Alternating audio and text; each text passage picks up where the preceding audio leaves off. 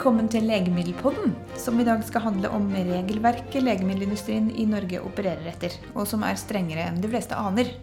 Her i LMI så jobber det to jurister som kan disse reglene inn og ut. Det er Lars Alnes og Ramona Eichenberger. Hei til dere. Hei. Hei. Lars, du har jobba i LMI i eh, ja, en mannsalder. Ja. Fortell. 25 år, ja. Ja.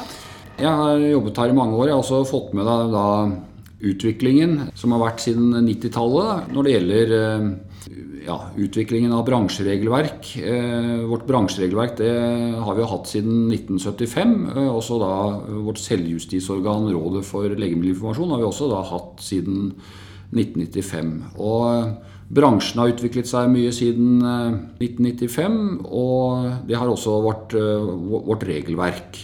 Hva er det som har skjedd som er det viktigste, mener du? Det har blitt strengere og strengere regler, er det sånn? Den første, stør- største forskjellen akkurat når det gjaldt regelverket, den eh, kom rundt år 2000. På 90-tallet så hadde legemiddelbransjen eh, et etisk regelverk, eh, sånn som i dag. Det var basert også på forskriften som var den gang, og som egentlig ligner ganske mye på den forskriften vi har i dag. Regelverket har blitt mer detaljert. Eh, Men eh, hovedprinsippet er likt. Allerede på midten av 90-tallet så var det slik at eh, når det gjaldt markedsføring, så var det strenge krav til den. Og når det gjaldt interaksjon med helsepersonell, så skulle det være basert på faglige møter og eventuelt da faglige kurs og konferanser. Men det var alltid et krav om fag. Så har jo kravet til fag blitt mer tydeliggjort, og vi har fått en rekke detaljbestemmelser som går på ja, som regulerer alt fra måltider til eh, reiser, eh, til eh, time, timeantall på farlig program osv. Men allerede på 90-tallet så skilte vi oss ut i, forhold til andre bransjer Og at vi hadde et bunnkrav om faglighet, hvilket ikke var like vanlig i alle bransjer den gang. Er det strengere i Norge enn i andre land? Legemiddelbransjen er jo eh, gjennomregulert på mange måter. Eh, er Veldig mange, mye regelverk som, som i grunn eh, omhandler alle typer aktivitet. Altså alt fra utvikling til eh, registrering av legemidler, salg av legemidler. Og så har vi da det som du spør om, nemlig regelverkene eller markedsføring. Og det er også likt det er jo i Europa eh, i utgangspunktet. Det er jo basert på et eh, direktiv. Eh, som da er eh, grunnlaget for det, den forskriften vi har i Norge.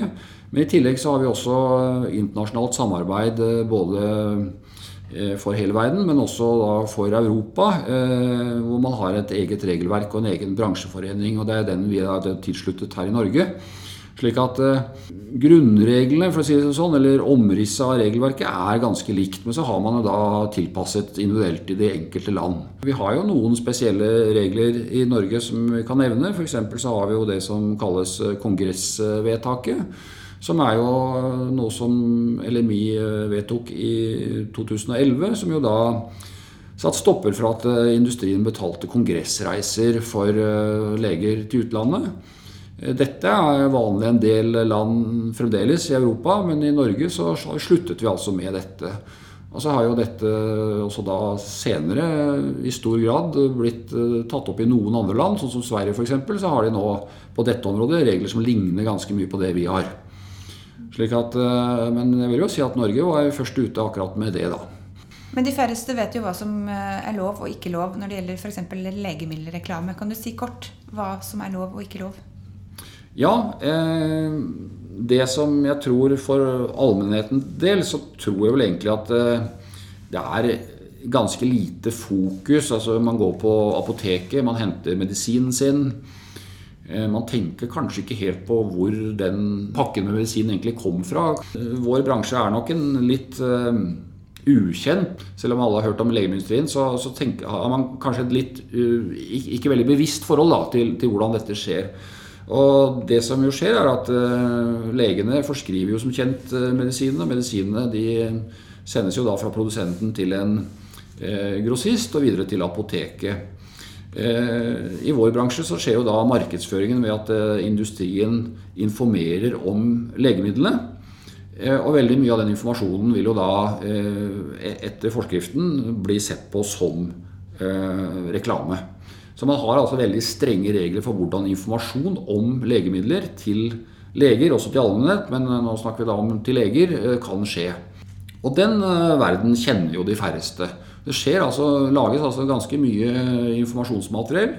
Det kan være noe som ligner mer på reklamebrosjyrer, men det kan også være veldig sånn tungt faglig informasjon. Og det er også faglige møter vil også da vanligvis ses på som eh, reklame. Slik at eh, det er veldig stor aktivitet, eh, og legene er jo helt avhengig av å få den informasjonen for at de skal kunne holde seg oppdatert. Eh, men altså i denne viktige informasjonsformidlingen som skjer der, så er det altså strenge regler. Og det er jo for å ivareta egentlig hensynet til riktig behandling. Det er altså slik at den informasjonen som da skjer fra produsent til leger, den må være i tråd med det som myndighetene har bestemt. Eh, en slags eh, produktblad som kalles eh, SPC. Som, som da reklamen eller informasjonen da må være i overensstemmelse med. F.eks. så finnes det jo legemidler som har ganske god virkning også på en del sykdommer som det da fremdeles kanskje ikke er godkjent mot ennå, men kanskje man forsker på det, kanskje man har kunnskap om det fra andre land. Men det er slik at uh, en legemiddelprodusent kan f.eks. da ikke si, selv, selv, om det er sant, så, så kan man altså ikke si uh, fortelle om dette i et uh, sånn såkalt reklamemøte. Da. Og det, det, tror jeg nok er en verden som kanskje veldig mange ikke kjenner til. Det er også veldig mange krav til hva som skal være med av bivirkningsinformasjon, sikkerhetsinformasjon. Det er noe som vi fokuserer veldig mye på. Slik at legene da får et eh, komplett og godt bilde av eh, legemiddelet. Ikke minst er det viktig å få frem i denne informasjonen eh, hvem som ikke skal ha et legemiddel. Det er verken i industriens interesse eller i legenes interesse at noen som ikke skal ha et legemiddel, får det. Slik at det er altså et nett av sikkerhetsregler kan man si, som skal ivareta da, at, at behandlingen blir riktig og Eh, pasientenes sikkerhet ivaretas. Men hva med legemidler som ikke skrives ut av leger, altså reseptfritt? Eh, hva har industrien lov å gjøre der?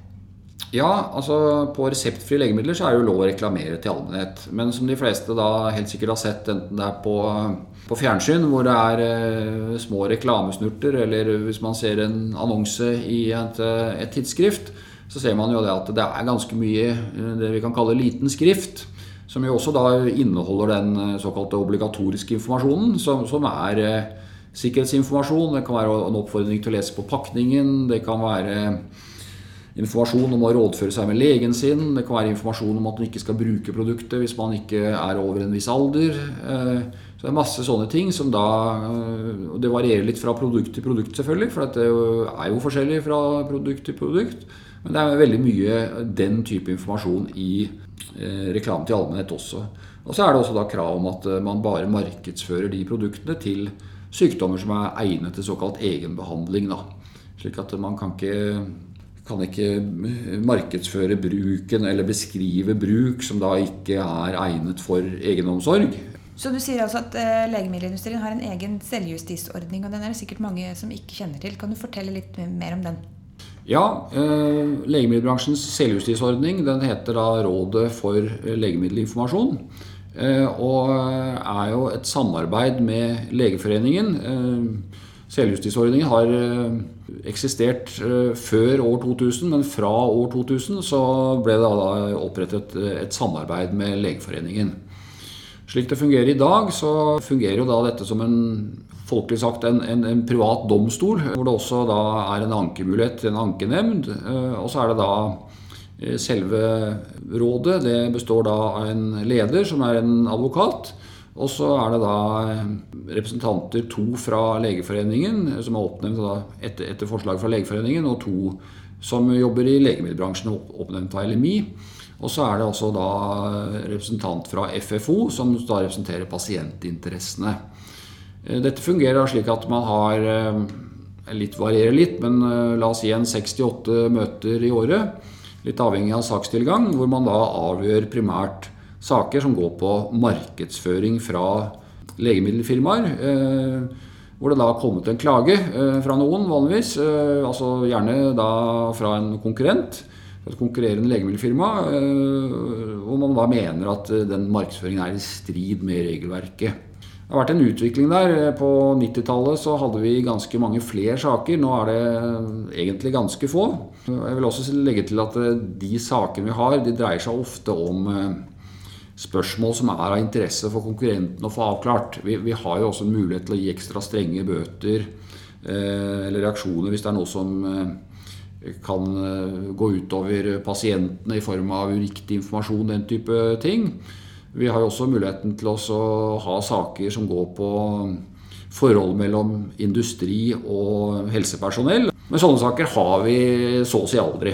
Eh, det var mange år tilbake før jeg kan huske at vi har hatt eh, en sak som går akkurat på det. Vår opplevelse er at firmaene er veldig nøye.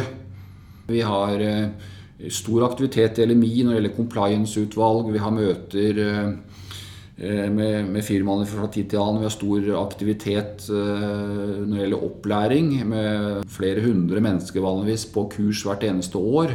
Vi får mange spørsmål som vi svarer på. Eh, og vi ser at eh, viljen til å følge regelverket er stor.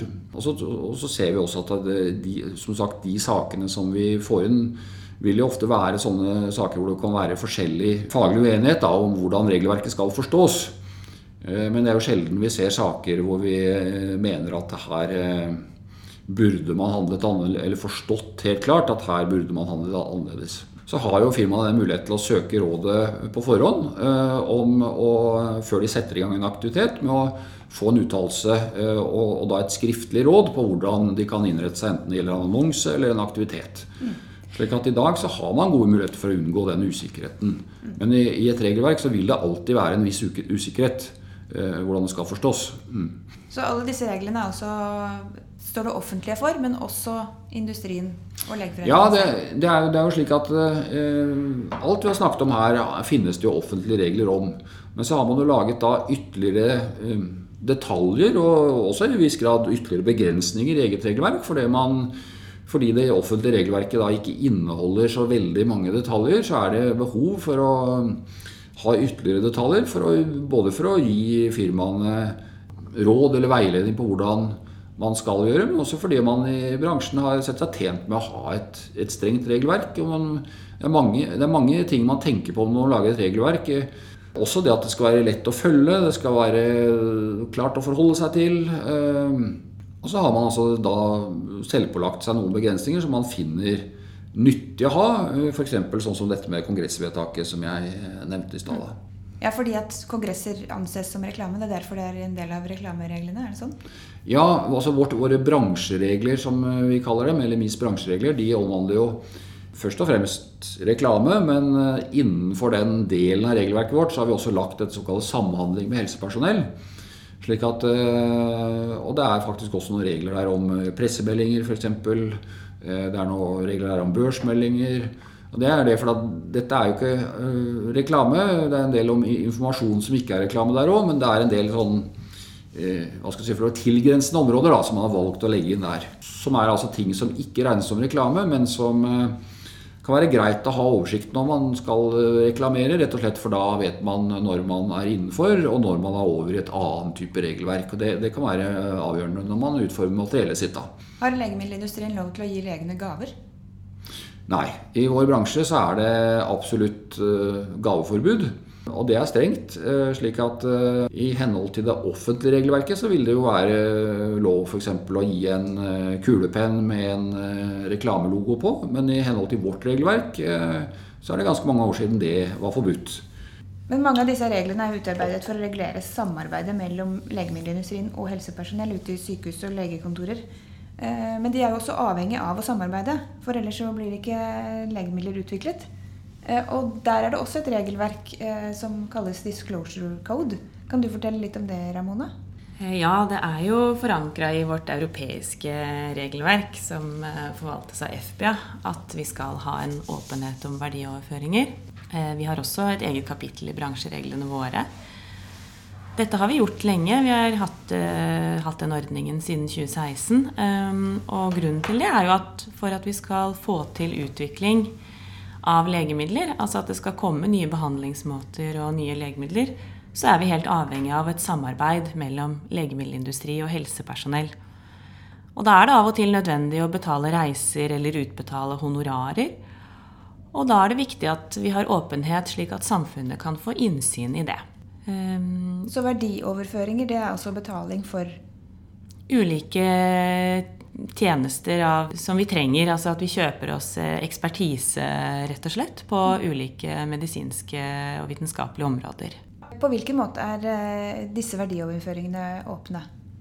Fram til nå så har det vært eh, samtykkebasert. Da har helsepersonell kunnet samtykke til denne offentliggjøringen. De har også kunnet reservere seg mot offentliggjøring. Eh, og da Vi har alltid hatt veldig gode, gode tall, gode offentliggjøringstall. Vi har jo ligget på rundt 70% mer eller mindre de siste årene.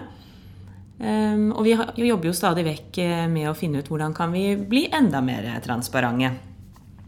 Så Legemiddelindustriforeningen og eh, Legeforeningen eh, vi signerte faktisk en avtale tidligere i år eh, hvor vi ble enige om å erstatte behandlingsgrunnlaget for behandling av disse personopplysningene, som det jo faktisk er. Eh, og da gikk vi faktisk over fra eh, samtykke til noe som kalles for berettiget interesse. Og det betyr egentlig at allmennheten og legemiddelfirmaene de har en felles legitim interesse i åpenhet om interaksjon og verdioverføringer mellom industri og helsepersonell.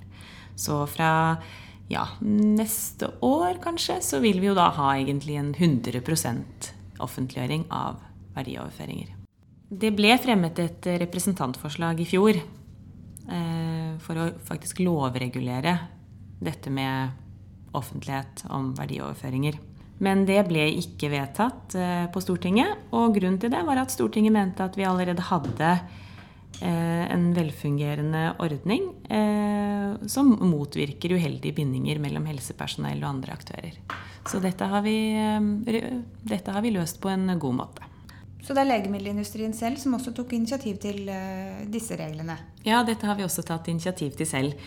I likhet med mye annet vi har tatt initiativ til, som Lars har fortalt oss om tidligere i dag.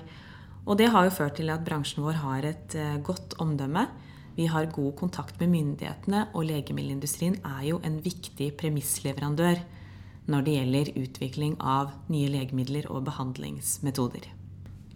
Da lar vi det være siste ord. Legemiddelpodden er slutt for denne gang, og vi tar oss en liten sommerferie. God sommer. Vi høres på sensommeren.